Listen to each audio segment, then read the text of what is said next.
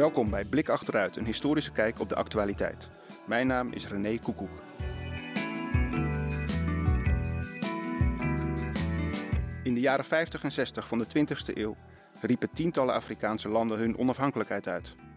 Deze periode van dekolonisatie was een van de meest ingrijpende mondiale processen van de tweede helft van de 20e eeuw. De dekolonisatie van het Afrikaanse continent wordt nogal eens gezien door een koude oorlogbril. Afrikaanse leiders zouden pionnen zijn op het schaakbord van de Verenigde Staten en de Sovjet-Unie. Ze mochten kiezen uit twee ideologische smaken: kapitalisme of communisme.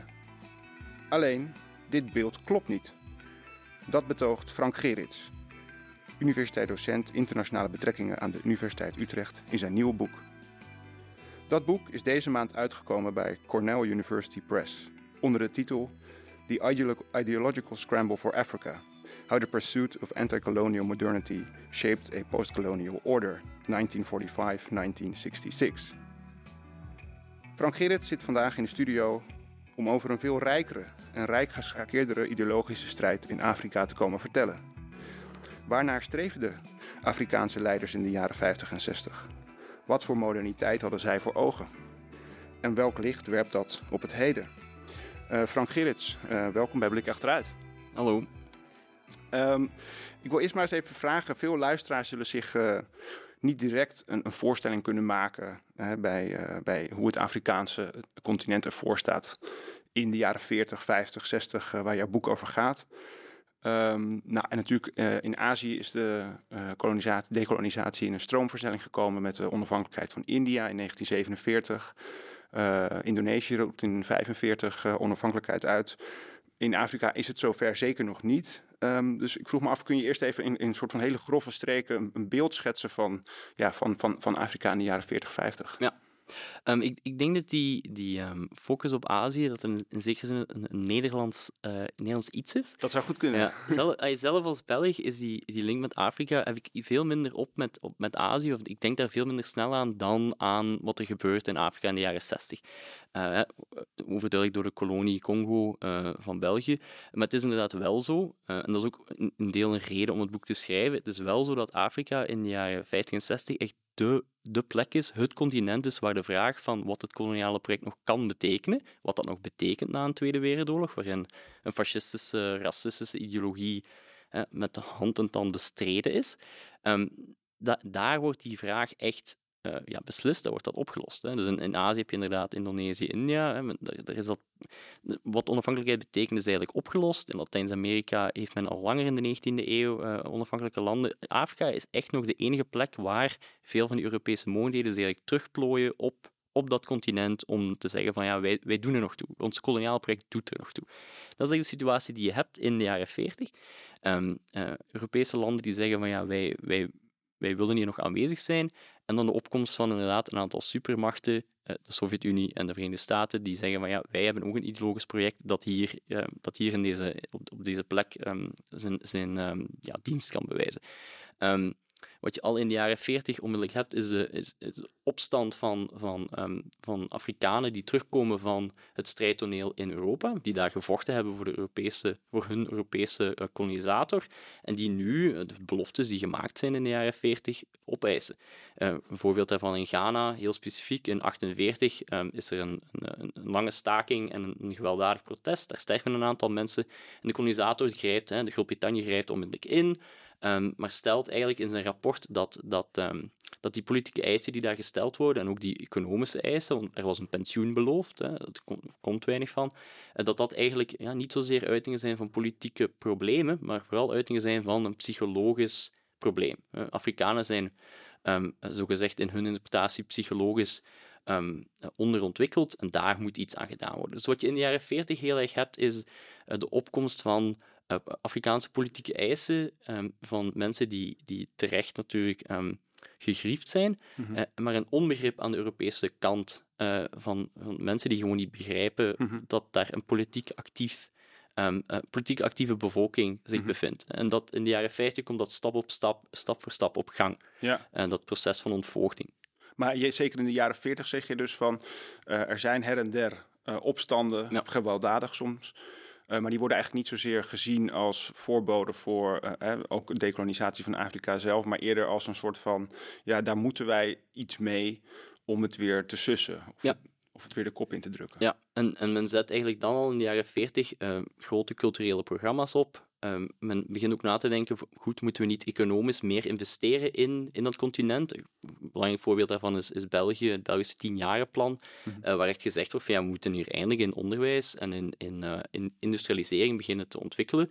Voor een stuk omdat men de kolonies meer winstgevend moet maken. Hè. Azië is eigenlijk verloren, dus ja, men, dat moet gewoon meer winst opleveren. Anderzijds ook om die politieke eisen eh, de kop in te drukken. Ja. Ehm, en ehm, wat je dan vooral ziet in het Britse Rijk eh, bijvoorbeeld, is dat men ook stap voor stap eh, zelfbestuur gaat toekennen. Het is heel beperkt. Eh Kwame Nkrumah in Ghana is belangrijk politicus, Mhm. belangrijk Pan-Afrikaans politicus, wordt, is heel actief in dat Pan-Afrikanisme. Ehm, in, ehm, ja, in, in Groot-Brittannië gaat hij naar Pan-Afrikaanse conferentie, hij organiseert dat mee. En hij wordt eigenlijk een, een wat dan genoemd wordt de leader of government business in eh, 1952. Een soort van ja, premier avant la lettre. eh, Ja. waarin hij eigenlijk ja, zich politiek een zekere vorm van zelfbestuur krijgt en dat ook weet uit te buiten in Ja, zijn voordeel. Maar dat is dus nog voor de eh, Voor de onafhankelijkheid, onafhankelijkheid, van. Ghana. Ja, Ja, precies. de onafhankelijkheid van Ghana is in Ja, eh, ja. 6 maart 1957. Ja, ja. En je ziet in verschillende van die Britse kolonies zie je dat proces. In de Franse kolonies ehm, heb je een gelijkaardig proces waarbij een lokale elite ook macht gegeven wordt. Ehm, en, en dat loopt, dat loopt op een iets andere manier. Er is iets, een, een iets ehm, hechtere band met de metropool. Ja. De grote uitzonderingen daar zijn, zijn eh, Congo, eh, Mhm. Belgisch Congo, waar men eh, echt eh, niks, niks van politiek zelfbestuur eh, toelaat. Nee. En dat ontploft dan ook in 1960. En dan natuurlijk in Zuidelijk Afrika heb je Portugezen, ehm, die zeer gewelddadig steeds meer opstanden de, de kop indrukken. En dan de specifieke situa- situatie in Zuid-Afrika en Rhodesië, het huidige Zimbabwe, waar je een, een, ehm, een witte minderheid hebt die de macht steeds meer naar zich toe trekt. Ja. En dat is, een, dat is iets dat pas in de jaren 70 echt Ja. ja. Opgelost, of ja, opgelost krijgt, waar, waar Afrikanen zich ehm, ja, waar dat antikoloniale project steeds meer een, een factor wordt in die politieke strijd.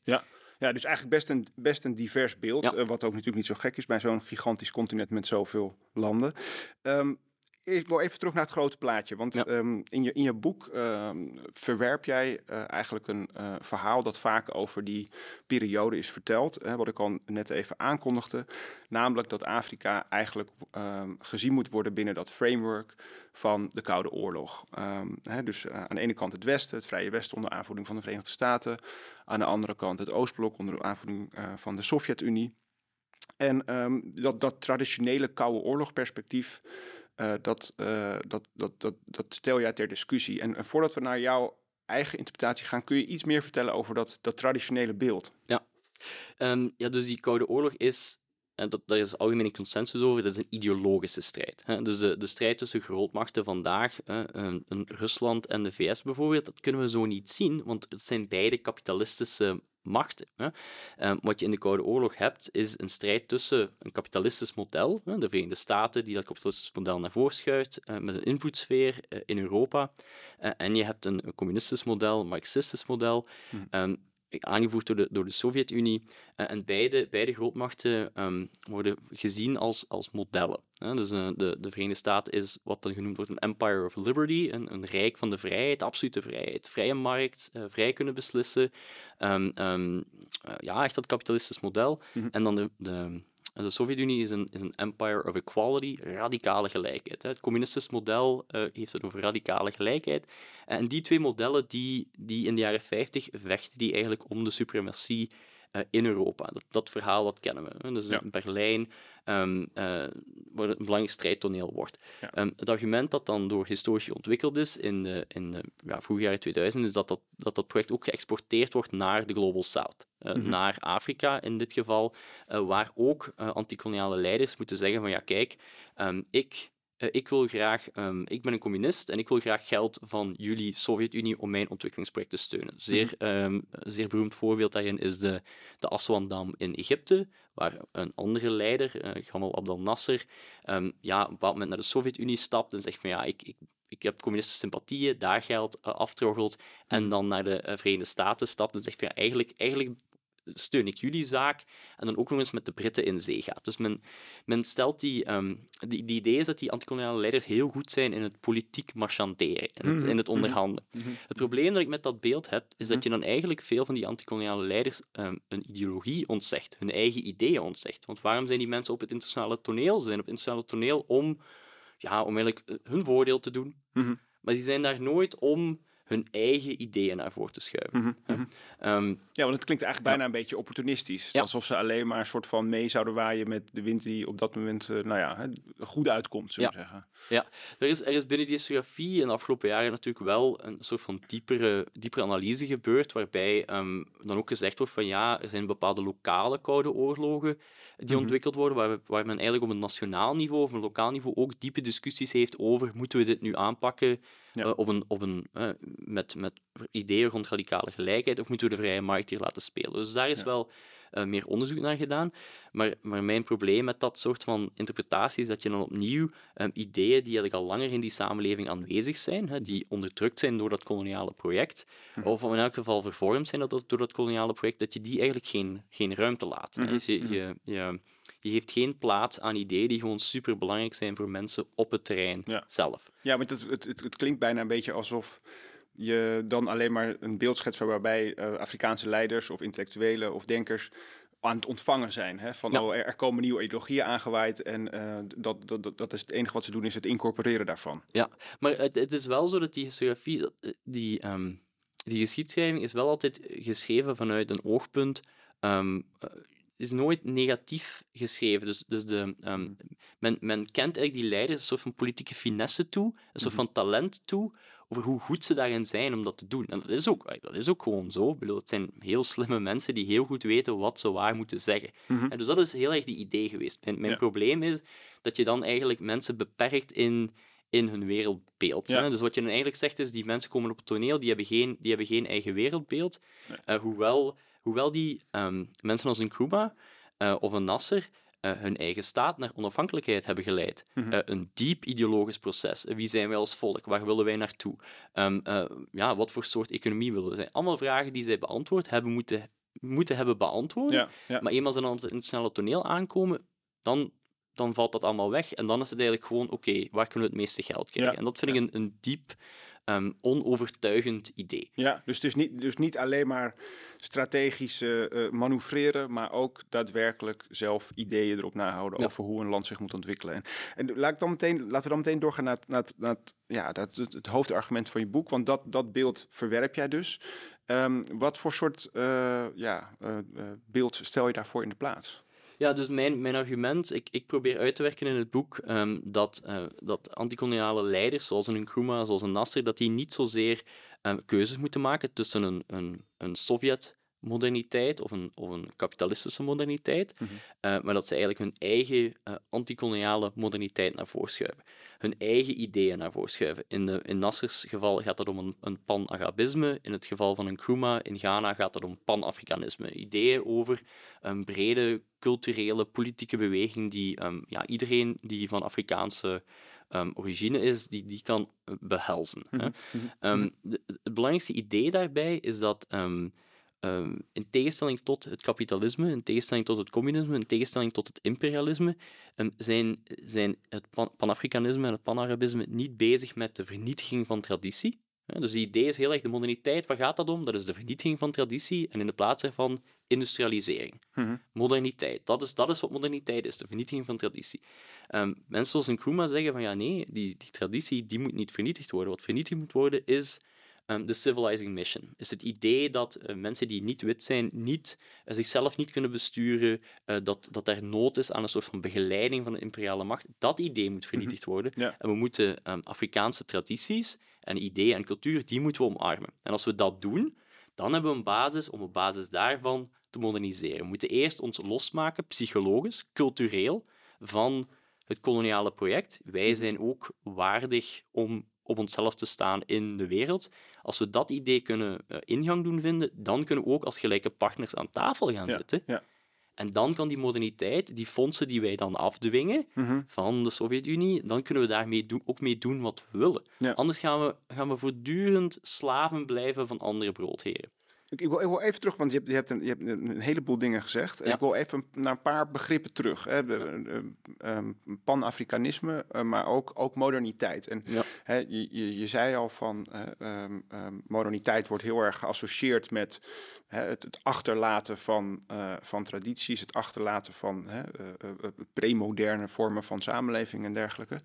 En het communisme en het kapitalisme pretenderen dat juist te doen. Um, maar eigenlijk zeg jij van ja, um, het is niet zo dat uh, Afrikaanse leiders uh, in die periode terug wilden keren naar een soort van premoderne uh, samenleving, premoderne manier van leven, maar eigenlijk een andere invulling wilden geven aan, ja, aan, aan, aan een nieuwe moderniteit. Ze wilden in de 20e eeuw staan op een, op een nieuwe manier, op een moderne manier, maar niet op de westerse manier of op een, de, de, de manier zoals de imperiale machten dat hebben opgelegd. Um, um, en hoe, hoe, hoe combineerden ze dat? Hoe kun je premoderne, wat, wat, wat, wat, moet ik me voorstellen bij premoderne tradities in een modern jasje, we ja. zeggen? Ja, dus um, voorbeelden daar, daarbij zijn, ja, ik, ik grijp terug naar Ghana, de hoofdrolspeler in dit verhaal hier, omdat Ghana echt de, de, het land is dat dat idee van dat panafricanisme uitdraagt over het continent. Mm -hmm. dus daar grijp ik ook in mijn boek heel vaak naar terug. Ja. wat je daar heel vaak ziet, is de, is, een, is een reflex om uh, Pan-Afrikaanse ideeën, ideeën over Afrikaanse tradities, om die te propageren. Uh, en, en daar dan um, daarna een soort van daarna economische ontwikkeling toe te passen. Men is er eigenlijk heel expliciet over. Dus er is, um, uh, er is een, een, soort van propagandacampagne over het, uh, die opgezet wordt over hoe um, al in, in Egypte, maar ook in, in West-Afrika, men aan wetenschap doet. Mm. hoe uh, wiskunde eigenlijk uitgevonden is in ja, men zegt in Afrikaanse, op het Afrikaanse continent. Die ideeën worden heel expliciet naar voren gedragen. Mm -hmm. uh, die idee is dat als je, als je mensen ideologisch traint, als je, de, um, uh, als je onderwijs, uh, als je Afrikanen kan onderwijzen in die geschiedenis, in die ideeën, dat ze ook veel weerbaarder zullen zijn tegen buitenlandse, buitenlandse ideeën. Mm -hmm. is, en men, er is een, dat is een heel specifiek manier van denken in de jaren 50. Men spreekt over psychologische intrusie. Er is een, een heel psychologische taal gesproken over wat het koloniale project gedaan heeft met Afrikanen. Mm -hmm. En een, um, een, een, gevoel van um, minderwaardigheid gegeven um, en een gevoel van uh, ja, dat zijn eigenlijk het, het, het, idee van die civilizing mission eigenlijk ingang doen vinden bij Afrikanen zelf. Ja. Um, en als we, daar, als we Afrikanen kunnen opleiden om dat, om, om dat idee naast zich neer te leggen, dan kunnen we eigenlijk alle hulp, alle financiële hulp van iedereen aanvaarden. Ja. Omdat we, dan niet, we hoeven ons dan niet in te schrijven in dat project. Zij, zij, ik denk dat dat is, dat is de kernidee. Dus die uh, antikoloniale leiders die zeggen heel expliciet, uh, het systeem dat jullie opzetten, Sovjet-Unie en de VS, waarbij geld gegeven wordt en dan impliciet ook gezegd wordt, ah, dat betekent een goedkeuring van ons ideologisch project, daar gaan wij niet aan meedoen. Nee. Daar gaan wij niet aan meedoen. We gaan expliciet mensen opleiden om op zichzelf te staan en dan kunnen wij alle geld aanvaarden dat wij willen. Ja. Dus, dus, dus je, ziet, je ziet dat in dat argument, dat idee dat door anderen naar voren geschoven is over um, um, um, antikoloniale leiders spelen mensen tegen elkaar uit, dat blijft bestaan. Dat, dat, is, dat is inderdaad een observatie die er is. Mhm. Maar ik, ik, ik kijk daarnaar in, op een veel op een veel diepere ideologische manier. Dat, dat, dat, uh, dat politiek gebikker, Mhm. dat, dat is ingebed in een wil om ideeën over zelfstandige Afrikaanse uh, cultuur, om die ook naar buiten te dragen. Ja, Die twee kunnen ja. samen bestaan. Ja, ja. Ja. En nu even naar dat an- die, die andere term die we nu een paar keer langs hebben horen komen, dat pan-Afrikanisme. Ehm, ja, wat, wat bedoel je daarmee? Ja, dus ik, ik heb een heel specifieke definitie over, eh, of een heel specifieke definitie van, maar ik, ehm, ik, zou, en dus algemeen ontstaat het panafricanisme eigenlijk niet zozeer in Afrika, maar in de Cariben. Ja. Ehm, en ook in de Verenigde Staten, waar ehm, mensen al tijdens de Civil War en dan ook daarna, hè, dus die, ehm, die strijd om de, om de slavernij af te schaffen in, in de eh, 18e en 19e eeuw, daar, daar ontstaan ideeën over de terugkeer naar Afrika. Ideeën over hoe um, uh, een soort van culturele eenheid bestaat tussen alle mensen die van Afrikaanse afkomst zijn. De Afrikaanse diaspora. Zeg maar. Afrikaanse diaspora, omdat uiteraard de slavernij heeft heel veel mensen van het Afrikaanse continent gebracht naar de Caraïben, naar Brazilië, naar de Verenigde Staten. Mm naar een soort van, daar is een culturele eenheid die daar bestaat. Um, en daar moeten, we, daar moeten we cultureel moeten we daar gewicht aan geven. En er is ook, zijn ook bewegingen die, uh, ik spreek bijvoorbeeld over Marcus Garvey, heel specifiek voorbeeld, maar die stelde heel duidelijk dat men terug moest keren naar Afrika. Ja, dat was, dat was een Jamaicaanse uh, denker en schrijver, als ik me goed herinner. Ja. Die ook omarmd wordt door dan mensen als Nkrumah. Ja. Um, maar, um, dus dat is eigenlijk een, een cultureel project. Hm? Ja. Uh, wat er gebeurt natuurlijk in de jaren 30 is, er worden allerlei Pan-Afrikaanse conferenties opgezet. Uh, iemand als W.E.B. Du Bois, heel belangrijk civil rights denker, daagt op in Versailles in 1919, omdat hij mhm. eigenlijk uh, mee wilt onderhandelen met uh, de westerse machten over uh, wat zelfbeschikking kan betekenen. Hij wordt niet toegelaten op de conferentie, maar hij organiseert wel een aparte Pan-Afrikaanse conferentie.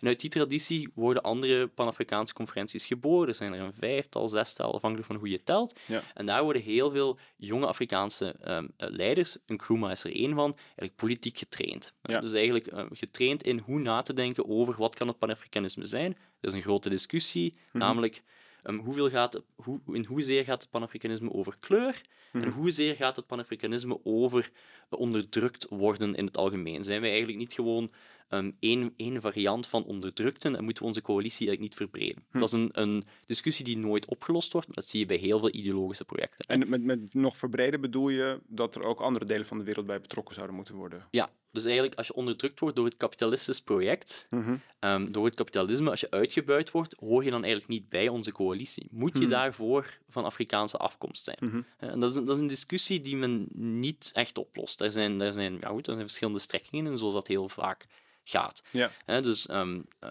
de, de, de Frans-Afrikaanse traditie is, is een iets inclusievere traditie in dat, in dat opzicht. Hè. Ja. Men zegt van het gaat eigenlijk over veel meer.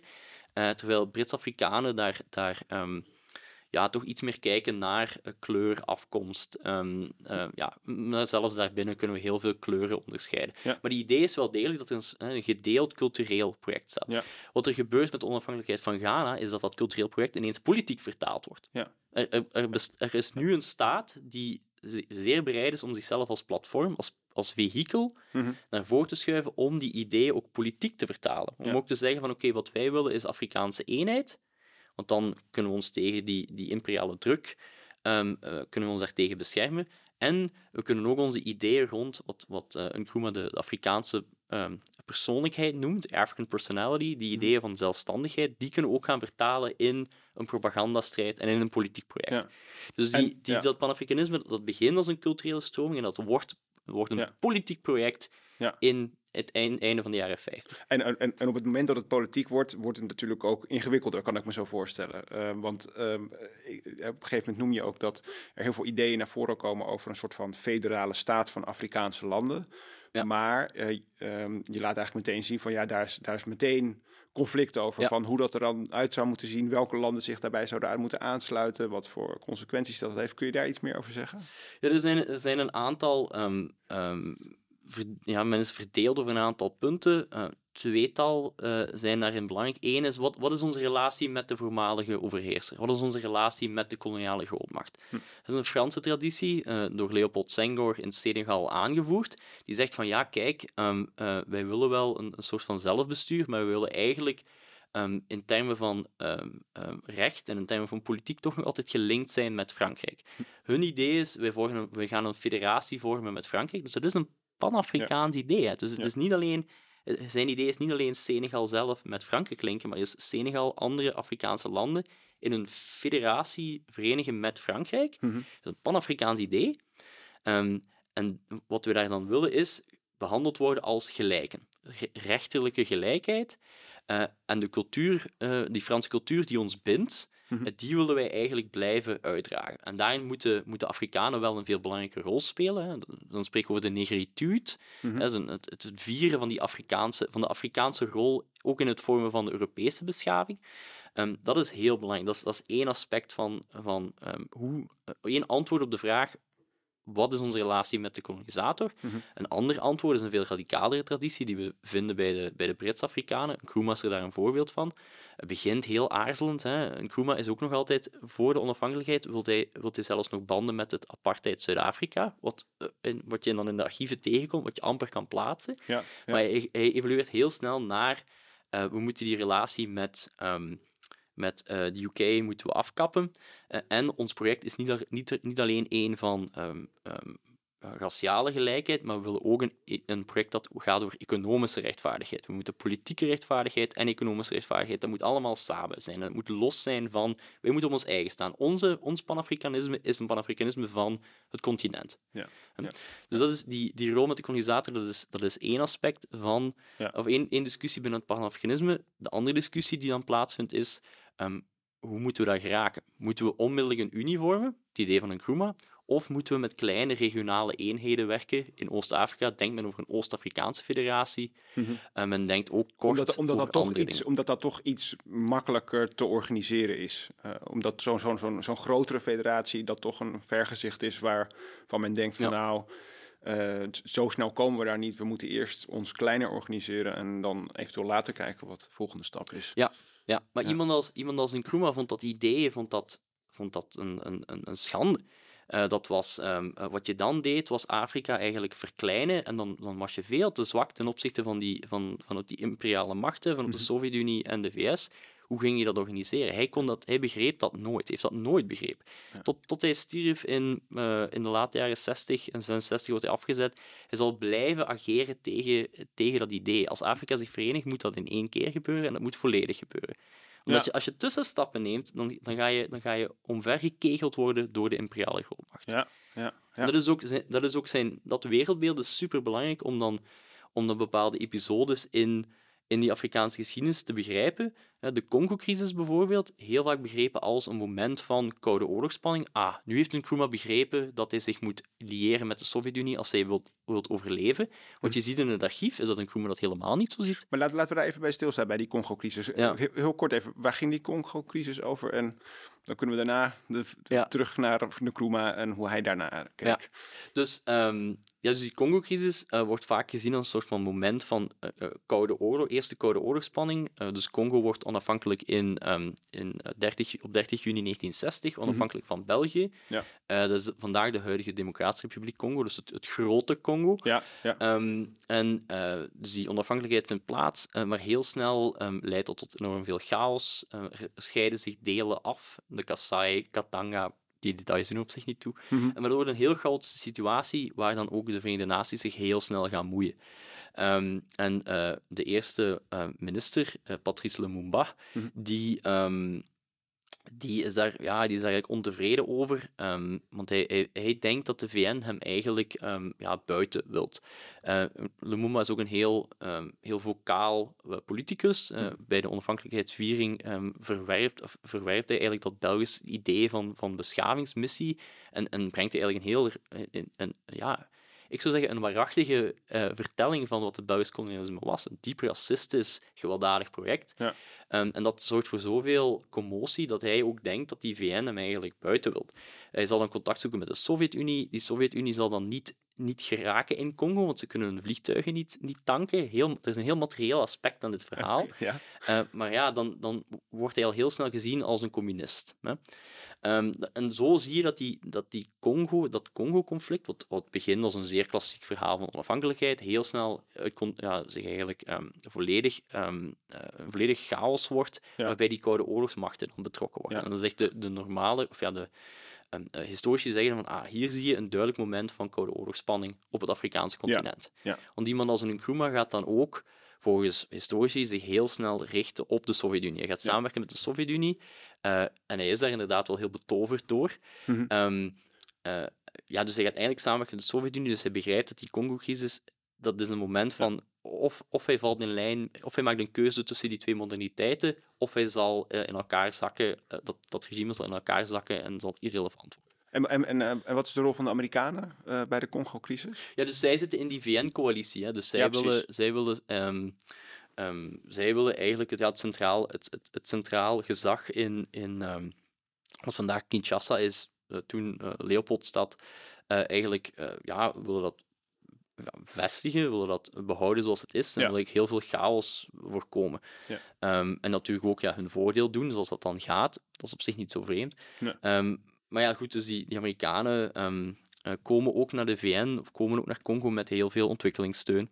Uh, maar de Sovjet-Unie, de Britten, uh, de Belgen doen eigenlijk hetzelfde. Dus er zijn heel veel actoren die ook heel veel ontwikkelingssteun geven op het moment dat Congo onafhankelijk wordt. Ja. Ja. Dus die Congo-crisis, die, die, dat is, het, is, het is ergens wel uh, verklaarbaar waarom die door die Koude Oorlogbril wordt bezien. Ja. Maar eigenlijk, wat, wat, wat, wat, zeg je, wat, wat is het beeld wat jij daar tegenover stelt dan? Ja, wat je ziet als je dan naar de Ghanese documenten gaat kijken, um, is dat uh, een Nkrumah en ook veel Pan-Afrikaanse um, activisten die, die in, um, in die coalitie met Ghana zitten, mm -hmm. veel vakbondsleiders en zo, want Ghana trekt heel veel van die politieke activisten aan, probeert die ook bij zich te houden. Ja. Um, uh, die zeggen heel duidelijk van ja, die Congo-crisis, dat is geen... Um, wat je daar ziet, dat is geen begin van de Koude Oorlog. Wat je daar ziet, is dat dat is een, een eindpunt, een laatste adem, een mm -hmm. last gasp ja. van het koloniale systeem. Dat is de, de, laatste, de laatste stuittrekking van dat koloniale systeem. En je ziet daar heel duidelijk dat Afrika zich moet verenigen. Dat zie je daar heel duidelijk. Onze wereldvisie, ons idee van Afrikaanse eenheid wordt hier bevestigd. Wordt niet van tafel geveegd, wordt duidelijk bevestigd door, door de feiten. En dan zie je heel duidelijk hoe dat wereldbeeld hm. ook echt het politieke handelen van die Afrikaanse leiders vormgeeft. Dus een soort van aansporing. Soort van, dit, dit bewijst dat ja. Afrikanen zelf het, het lot in handen moeten nemen. Ja. Het heft in handen moeten nemen. Ja, en dus, dus dat wereldbeeld dat die Afrikaanse leiders hebben, dus wat ik probeer aan te tonen, anticolonialiteit, panafricanisme, wordt mm -hmm. bevestigd in die Congo-crisis. En je ziet dat nog het duidelijkste in een bron die ik in de Ghanese archieven heb teruggevonden, tussen twee uh, brieven die gingen over een verstopt toilet altijd geweldig, als je dat kan vertellen. Um, en dat is een, een brief van een, van een, um, een, um, ja, een ambtenaar eigenlijk die naar een Nkrumah schrijft en hem aanspoort, zelfs nadat Lumumba vermoord wordt. Hè. Chaos is compleet. Die probeert een Nkrumah aan te sporen om het Koude Oorlogsspel te spelen. Hij zegt, ja, Nasser die doet dat ook. Wij, wij moeten dat ook doen. Mm -hmm. waarom doen wij dat niet? En daar zie je heel duidelijk dat Nkrumah gewoon dat hij dat niet ziet. Hij ja. ziet dat gewoon niet zo. Ja. Um, en dat is, ja, dat was zo'n, dat is echt een fantastische bron. Als je dat kan vinden in dat Ghanese archief, ja. Ja, dan dat is echt een klein, fantastisch. klein jubelmomentje. Ja, uh, ja omdat uh, het echt zwart op wit um, bewijst en bewijst wat je zegt. En niet alleen uh, niet alleen louter op het, op het, in het rijk van die ideeën. Hè, dus die Panafrikaanse, dat kun je, wel, dat kun je nog wel, wel vatten. Hè. Dan kun je zeggen van ja, goed, uh, Panafricanisme, Afrikaanse eenheid, dat snap ik nog wel. Maar ja, eigenlijk in de echte politieke arena doet dat er niet toe. En Hmm. daar zie je een bron waar je dat dus Ja. echt, waar je die ideeën Ja. recht in, in het hart van die politieke discussie. Dat die daar bediscussieerd wordt. Ja. En dan heb je echt zo'n moment, het moment dat je eigenlijk had toen de, toen de archieven in de Sovjet-Unie opengingen. En in de jaren tachtig dacht iedereen van, ja goed, die, die marxisten of die communisten in het Kremlin, die geven het niet om Lenin, hè, die geven niet om Marx. De archieven gaan open en daar wordt in het politbureau wordt daar, worden er discussies gevoerd over die grote figuren. Ja, maar is dit wel in lijn met wat Lenin zou gewild hebben? Hm. Dat, ik dat soort van moment dat je dan hebt in het archief. Ja, ja, Ja. ja. dat, dat is toch waar historici het vaak voor doen. Hè? Ja, maar is geen, als, als historicus is dat geen makkelijk, is dat niet gemakkelijk. Want je kunt, eh, je kunt wel een argument maken over ideeën, maar om die dan terug te zien in de politieke realiteit, dat is Ja. altijd wel, Ja. daar, daar ben je afhankelijk van Ja. het archief. Ja. Ik, wil, ik wil even terug naar, naar een, een, eh, iemand die je eerder noemde, Nasser. Ja. Die ehm, een, van, nou ja, een van de grote Arabische eh, leiders van de jaren 50, 60. Ehm, en hij was een voorstander van pan-Arabisme. Ja. Eh, een, ja, toch een soort van variant van pan-Afrikanisme.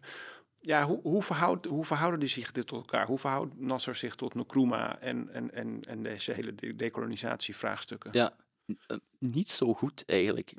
Dus je ziet, ehm, eh, en zoals dat zo vaak gaat, kunnen er twee universele projecten zijn tegelijkertijd. Moeilijk, hè? Frankrijk, Frankrijk denkt ook dat het een universele, ehm, universeel project is, en de Verenigde Staten ook. Dus Ja. je ziet die relatie tussen, tussen die twee, dat, die bestaat wel, maar dat is altijd moeilijk. Ja, Ehm, ja.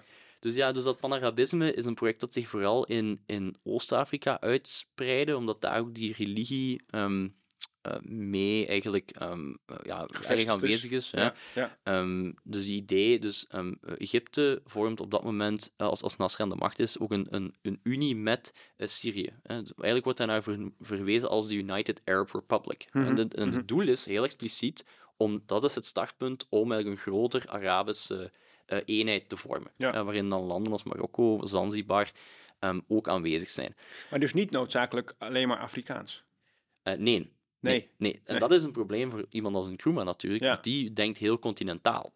Ja. Ehm, eh, die denkt echt, in- die zegt, hij zegt ook heel expliciet van, van ehm, eh, ja, die, ehm, de mensen in het, in het noorden van, van het continent zijn ook onze broeders. Hè. Mhm. En hij zal dat heel expliciet proberen te bevestigen door te trouwen met een Egyptische vrouw, die hij eigenlijk amper kent.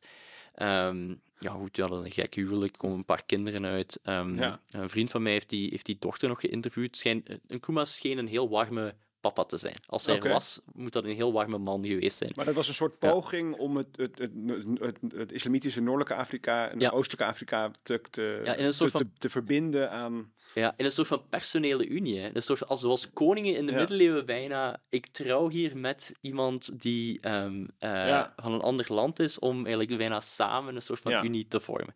Ja. Maar die, de poging was er, maar het is niet helemaal gelukt. Nee, ja, nee. Ja, nee, omdat die, die, ja, en daar zie je ook het belang, wat ik in het boek ook aanhaal, het belang van, van cultuur en ideeën in hoe mensen zich ja, politiek willen bewijzen. Hè. Ik bedoel, een land als Egypte is gewoon veel meer gericht op die Arabische wereld. Hmm. Ehm, en ja, in Zanzibar heb je dat dan ook. En dat, dat ligt dan gewoon moeilijk met, eh met Nkrumah in West-Afrika. Wat, hè, ik bedoel, by the way, hè, zoals we al gezegd hebben, Afrika is een gigantisch land. Mhm. En dat is bijna zoals zeggen van ja, ik bedoel, zoals wij ons bijna moeten gaan verhouden tot ja, iemand in Siberië. Ja. Maar vonden zij elkaar, want eh, ik, eh, vonden zij elkaar dan in, in die soort van ideologie van autonomie en bevrijding ten Mm. opzichte van de imperiale mogendheden? Want natuurlijk ook Egypte en delen van Noord-Afrika eh, worden onafhankelijk in de, in, de, in de jaren, met name jaren 60, als ik het goed heb. Ehm, ja, daarin konden ze elkaar wel vinden, neem Ja. ik aan. Ja, dus wat je, ehm, eh, wat je heel duidelijk ziet, is dat die, eh, dit zijn, dat panarabisme en dat panafricanisme zijn beide, beide zeer specifieke uitingen van een antikoloniale moderniteit. Ja. En, en die twee ideologieën delen dat, die idee dat, ehm, dat die beschavingsmissie dat die vernietigd moet worden en dat men op zoek moet naar een, een alternatief moderniseringsproject. Ja. Ehm, maar die, die ja, onderling, die- wat dat dan moet betekenen, specifiek gezien, hè, zoals dat dan zo vaak gaat, als het dan over de details moet gaan, daar wordt het dan moeilijk. Ja. En in mijn, in mijn ehm, tweede hoofdstuk over de Bandung-conferentie, conferentie 1955, Mhm. waar, eh, Ga- waar Ghana als observator aanwezig is. Ze zeggen tegen de Britten van, oh, eh, we gaan daar niks doen. In het Ghanese archief zie je heel duidelijk dat die, dat die diplomaten achter de schermen contacten zoeken met, ehm, eh, de, met eh, ehm, diplomaten van India, met, eh, met Nasser. Ehm, daar zie je heel duidelijk dat, dat, daar, ehm, dat men daar op die bandenconferentie op zoek gaat naar een, een andere vorm van moderniteit, en maar dat men daar niet in slaagt. Hè. Want wat, wat moet dat dan betekenen? En ehm, een van de redenen dat het daar misloopt, is dat, is dat er een, een, een heel duidelijk neerbuigende houding is van ehm, mensen in Azië ten, op- ten opzichte van Afrikanen. Hm. Ehm, eh, iemand als, eh, daar, is, daar is ook heel veel onderzoek naar. Ehm, iemand als Mahatma Gandhi bijvoorbeeld zal in Zuid-Afrika actief zijn, maar hij, zie- hij ziet zichzelf niet als... Hij ziet zichzelf als een exponent van het Britse Rijk en hij voelt zich in die, in die, in die rassenhierarchie die, de, Mhm. die, de, die het Britse imperiale project heeft opgezet, ziet hij zich hoger dan Afrikanen. En die spanning die, die, die speelt Hm. heel erg mee aan die bandenconferentie. Ja. En eh, iemand als Nkrumah zal ook dat, die, dat oorspronkelijke idee in de jaren 50, waarbij Afrikanen, Aziaten en een Afro-Aziatische coalitie samen eigenlijk verder kunnen, zal daar heel snel van afstappen. Want hij merkt van ja, dat, dat, dat gaat hier eigenlijk Ja. niet, niet werken. Nee, dus ze, Ehm, zijn echt, ze, ze, keren eigenlijk terug van die conferentie met het idee van oké, we zijn toch echt nog meer Ja. op onszelf aangewezen. Ja. Ja, ik denk zelfs nog dieper. Hè. Ik, denk, ik denk wat ik in het boek ook heel erg aantoon, is dat, dat men, ehm, ja, dus men, men ontwikkelde eigenlijk een apart antikoloniaal moderniseringsproject. Maar zeker die eerste generatie van een Nkrumah en een Nasser raken nooit echt los van hun, van hun koloniale training. Hè. Die zijn allemaal getraind in, Hm. ehm, in ja, imperiale scholen, in, in missieposten, ehm, ook leiders van Zambia en zo. Ja. Je ziet dat die daar nooit echt los van geraken. Dus, dus zelfs als, als ze het hebben over antikoloniale moderniteit, als het dan geïmplementeerd moet worden, blijven zij toch heel erg vastzitten in wat zij dan zelf hè, mental, mental colonialism noemen. Ja. Mentaal kolonialisme. Ja. En dat, dat- daar opnieuw, als, als historicus is dat een heel, ehm, is dat een heel ehm, bevredigend moment, omdat je daar opnieuw ziet hoe een, een idee dat je weet dat bestaat, dat je ziet terugkomen in discussies in intellectuele, politiek gezien ook gewoon vertaald wordt. ja, Eh. Onsuccesvol in dit, in dit, in Ja. dit moment, maar ja, je ziet dat die twee dingen echt wel met elkaar samen zijn. Ja, en dat is ja. ook een belangrijk, belangrijk argument van het boek. Het gaat niet zomaar om.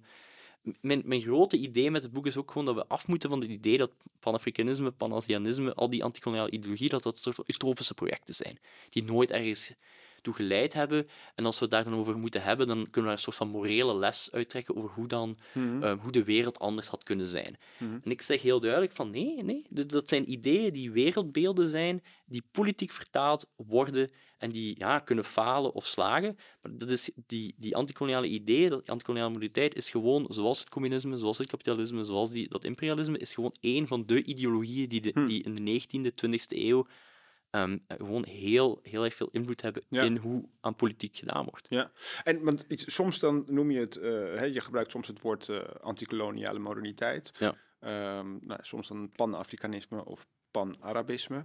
Eh, maar je zegt ook wel vaak van ja, het, het, het is een, een liberationist ideology. Ehm, en dat vertaal ik maar even als een soort van bevrijdingsideologie.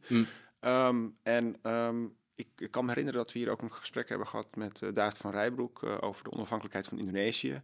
En waarin hij op een gegeven moment ook zegt van ja, uh, veel Indonesische onafhankelijkheidsstrijders die waren ook van verschillende ideologische komaf. Sommigen waren sterk islamitisch, anderen waren communisten, anderen waren weer nationalisten. En die vonden elkaar even onder één grote paraplu, namelijk we willen onafhankelijkheid. En dat was een, een laten we zeggen, soort van tijdelijke alliantie. Hè, wat politiek op dat moment natuurlijk fundamenteel was, maar toch, zodra die onafhankelijkheid er dan was, dan viel het eigenlijk weer uit elkaar. En dan zag je weer een, ja, een, een ideologische strijd, letterlijk, uh, tussen die verschillende groepen weer opkomen en met alle gevolgen van dien. En ik, ik vroeg me af van, hoe zie jij die, die uh, antikoloniale moderniteidsideologie? Um, zie je na de onafhankelijkheid van uh, bijvoorbeeld Ghana of andere landen die je in je boek bespreekt, ook weer een soort van uiteenvallen uh, in nou ja, ideologisch gekissenbis of ideologisch conflict? Um, of is er toch echt een diepere, diepere inhoudelijke ja, uh, uh, kern van, van, van, van die bevrijdingsideologie? Ja, um, ja ik, ik zie, ik zou, het zou gek zijn als ik iets anders zou zeggen, maar ik zie duidelijk wel, een, een, er is een soort van kern van een bevrijdingsideologie waar iedereen zich wel in kan vinden. Dat is ja. echt wel een gedeelde ervaring. Ik bedoel, Um, ik spreek in het boek ook over, um, ik, ik, doe het niet consequent in het boek, maar ik spreek bijvoorbeeld ook over, in plaats van de Global South en de Global North, zeg ik in de inleiding, misschien moeten we meer beginnen nadenken over de decolonial North en de decolonial South, meer nadenken over hoe dat koloniale project um, mensen en ideeën vormgeeft. Dat is zo'n hmm. fundamentele ervaring, waar mm -hmm. mensen in Azië, Latijns-Amerika, Afrika zich gewoon in kunnen vinden, die heel goed begrijpen wat decolonisering is, wat kolonialisme is, mm -hmm die begrijpen gewoon heel goed waar dat over gaat. En zelfs na de onafhankelijkheid blijven allianties bestaan die zich daar rond uh, organiseren. Uh, de New International Economic Order is daar een voorbeeld van. Moet even, dat moet je even toelichten. Ja, dat is een, dat, die New International Economic Order die komt eigenlijk al op in het midden, midden van de jaren 60. Ik praat er kort over in het boek. Mm -hmm. uh, waarbij heel duidelijk gezegd wordt, um, er, is een, er is een ongelijkheid tussen Noord en Zuid. En wat het Noorden moet doen, is um, technologie overdragen uh, en ons helpen ons helpen om economisch te ontwikkelen. Want dat is een issue van economische rechtvaardigheid. Ja. Ja?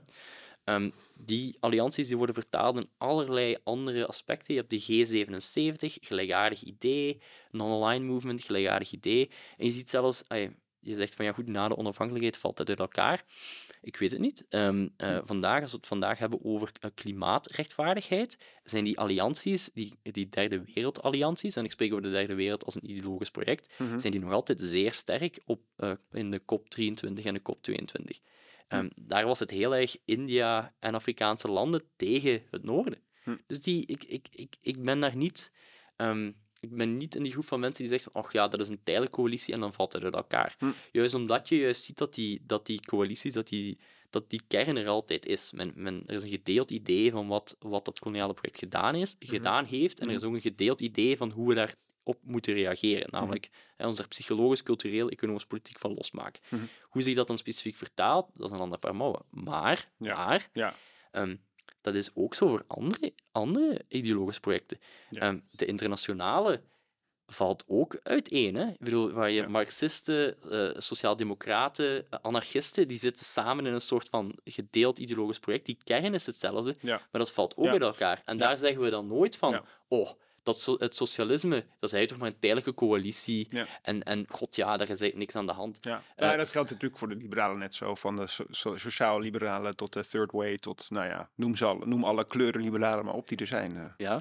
Ja. Dus, dus, dus dat is heel, een, een heel erg belangrijk onderdeel van het boek, is om die... Om, om, ik begrijp dat het moeilijk is voor mensen om zich, om zich daarover te zetten, om te zeggen van ja, dat, eigenlijk is dat toch maar een soort van losse alliantie van mensen die, die zich tijdelijk eh, hun lot aan elkaar verbinden. Ehm, ja, het is een gedeeld antikoloniaal project. Ja, ja. En, en, en de, op een gegeven moment aan het einde van je boek ehm, kom je ook eh, tot wat conclusies die ook wat verder strekken dan de periode eh, van de jaren 40, 50, 60. Ehm, en een van, de, een van de interessante opmerkingen die je er maakt, vond ik, was dat je eigenlijk zegt van ja, misschien moeten we ook eh, de, de, de geëikte keerpunten in de 20e eeuw wat relativeren. Zeker vanuit, vanuit Afrikaans perspectief ook. En één daarvan was ook eh, de, de val van de muur 89, de ineens- ineenstorting van de Sovjet-Unie 91. Dat je eigenlijk zegt van vanuit een Afrikaans perspectief, ja, kun je je eigenlijk afvragen of dat nou wel zo'n keerpunt was. Eh, wat, kun je dat uitleggen? Ja, nee, omdat je ziet, ehm, er, is, er is echt wat aarzelend onderzoek geweest over, ja goed, wat betekent het einde van die Koude Oorlog, die val van de muur, hè, 9 november 1989. Mhm. En Schabowski die zegt, ja, je kunt vrij reizen naar het westen. Mhm. En wat betekent dat eigenlijk voor de Global South? En je ziet eigenlijk dat dat, ja, wat betekent dat? Wil je een deel... ehm, wat dat betekent is dat, dat heel veel steun die op dat moment ehm, in Angola, in Mozambique gegeven wordt aan strijdende partijen, dat die teruggetrokken wordt. Hè? En dat die burgeroorlog eigenlijk ja, voor een stuk ehm, ja, sneller afgehandeld wordt, omdat er gewoon geen wapens meer binnenstromen. Mhm. Goed, ehm, dat is op zich is dat een zeer vaststelbaar effect. Dus ik zeg niet, ik zeg niet dat, daar, dat, dat er geen effect is van het einde van de Koude Oorlog in de Global South. Dat Nee, is er nee. overduidelijk in zeer materiële termen. Ja, ja. Ehm, het punt dat ik probeer te maken met dat, met dat punt in de, in de conclusie, Mhm. ehm, is dat er vaak gedacht wordt van, ja goed, de Koude Oorlog domineert alles van 45 tot, eh, tot 1989.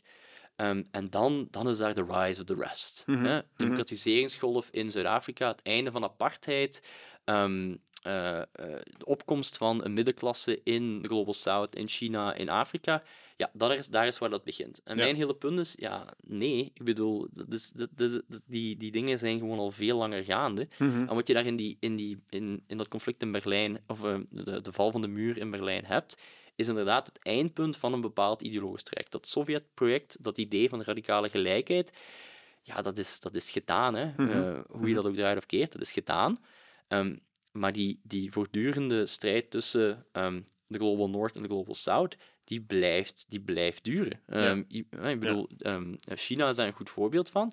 Eh, China, ehm, eh, ja goed, eh, start als een, als een ja, het moderne China start als een communistisch project in zekere zin, in 1950. eh, maar dan als Deng aan de macht komt, dus die nieuwe leider, nadat Mao, de grote leider van China, sterft, ehm, eh, ja, die, die keren zich eigenlijk naar een liberaal project. Die zeggen van ja, we gaan nu ook gewoon een kapitalisme doen. Mhm. Maar waar ze wel aan vasthouden, is hun derde wereld gevoeligheden. Daar Hmm. zijn ze nog altijd, vandaag de dag, nog altijd zeer sterk Ja. mee bezig. En Ja. mijn, mijn punt is een beetje dat als je van de internationale politiek van vandaag wilt begrijpen, dat je meer moet denken in termen van Noord-Zuid. Ja. Eh, Dat dat de manier is om over na te denken. Als het gaat over issues van eh, klimaatopwarming, tot immigratie, tot economische eh, gelijkheid, zijn dat allemaal issues die niet vormgegeven worden door, een door de Koude Oorlog, door, door ideeën van, maar door, ideeën van socialisme of kapitalisme, maar dat zijn, niet, dat zijn discussies die internationaal gezien vormgegeven worden door ehm, dat kolonialisme heeft ons goed tussen gehad en dat, moet, dat moeten wij rechtzetten. Ja. Want je ziet dat die dynamiek op heel veel, heel veel punten gewoon voortdurend terugkomt. Ja, dus dan, wordt, dan, dan verschijnt de ideologische strijd van de Koude Oorlog eigenlijk bijna als een soort van tussenfase. Waarbij de periode 40, 50, 60, hè, waarin eh, de dekolonisatie eigenlijk eh, vorm krijgt.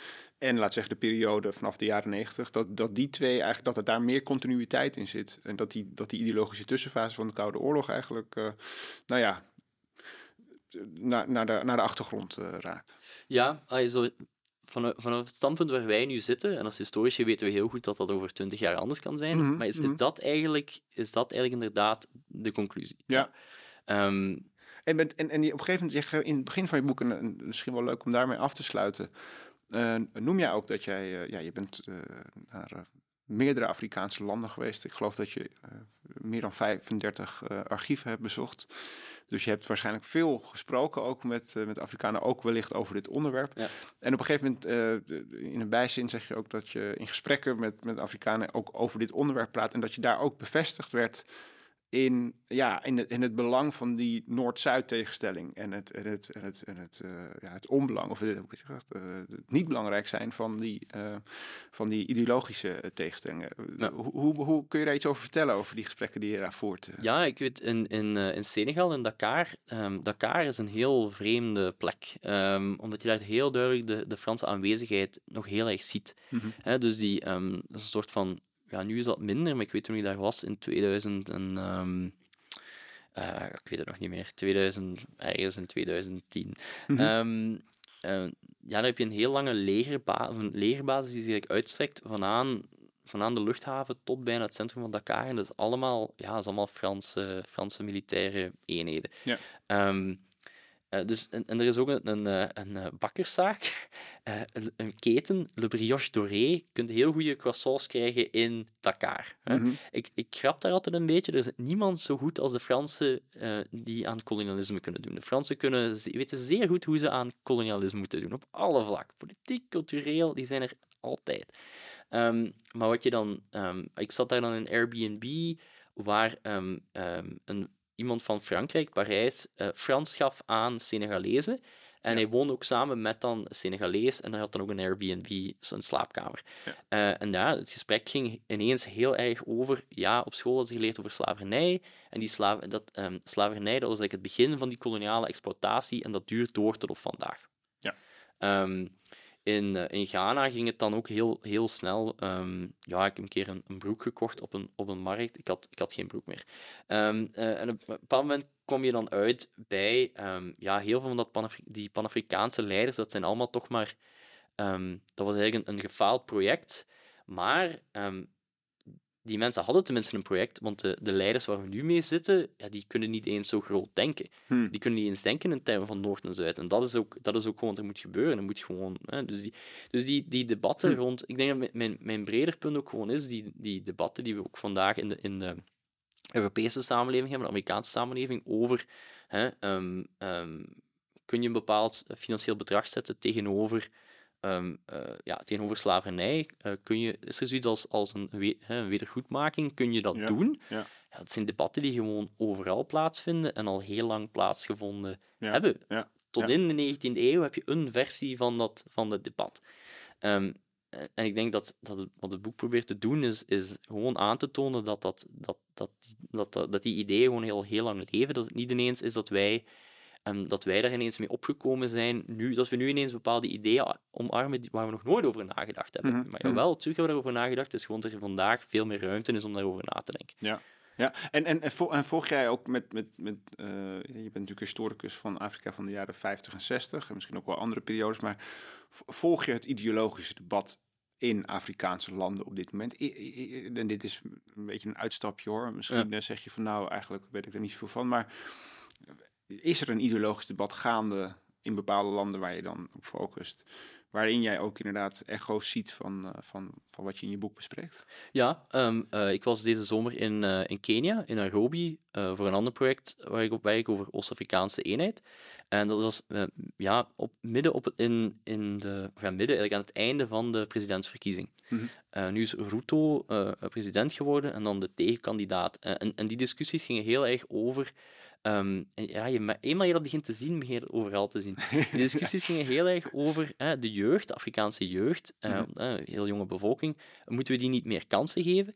En er was een soort van neoliberaal debat over het neoliberale idee van um, hustle culture, werd expliciet zo benoemd. Hè? Hustle culture dus het, het, het, het, uh, de bijbaantjes en, de, en, de, en de, de Ubers, die je in Nairobi ook heel makkelijk hebt, moet je die mensen altijd wat extra geld bijsteken, want dat is schandalig goedkoop. Mm -hmm. um, uh, dus die hustle culture versus dan moeten we niet, um, ja, moeten we niet uh, een breder sociale bescherming voorzien, moeten we dat gewoon niet ja. doen.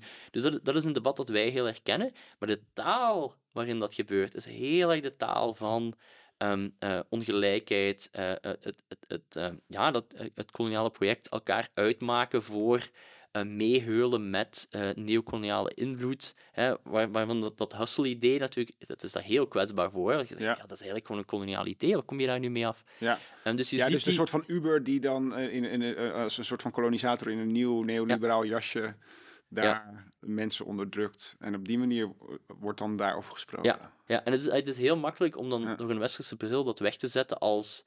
Um, ja, als, als, als, als, als, een, als, als een overdreven iets. Mm -hmm. Maar dat, ja, dat is niet zo. Ik bedoel, dat is, dat is een manier om een politiek te doen. En dat is de taal waarin ja. dat gebeurt.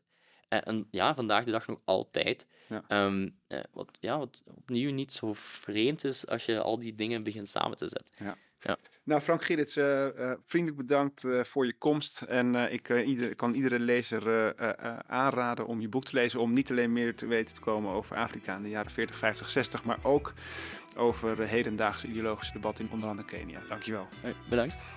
Dank u wel voor het luisteren naar Blik Achteruit. Voor meer afleveringen ga naar www.blik-achteruit.nl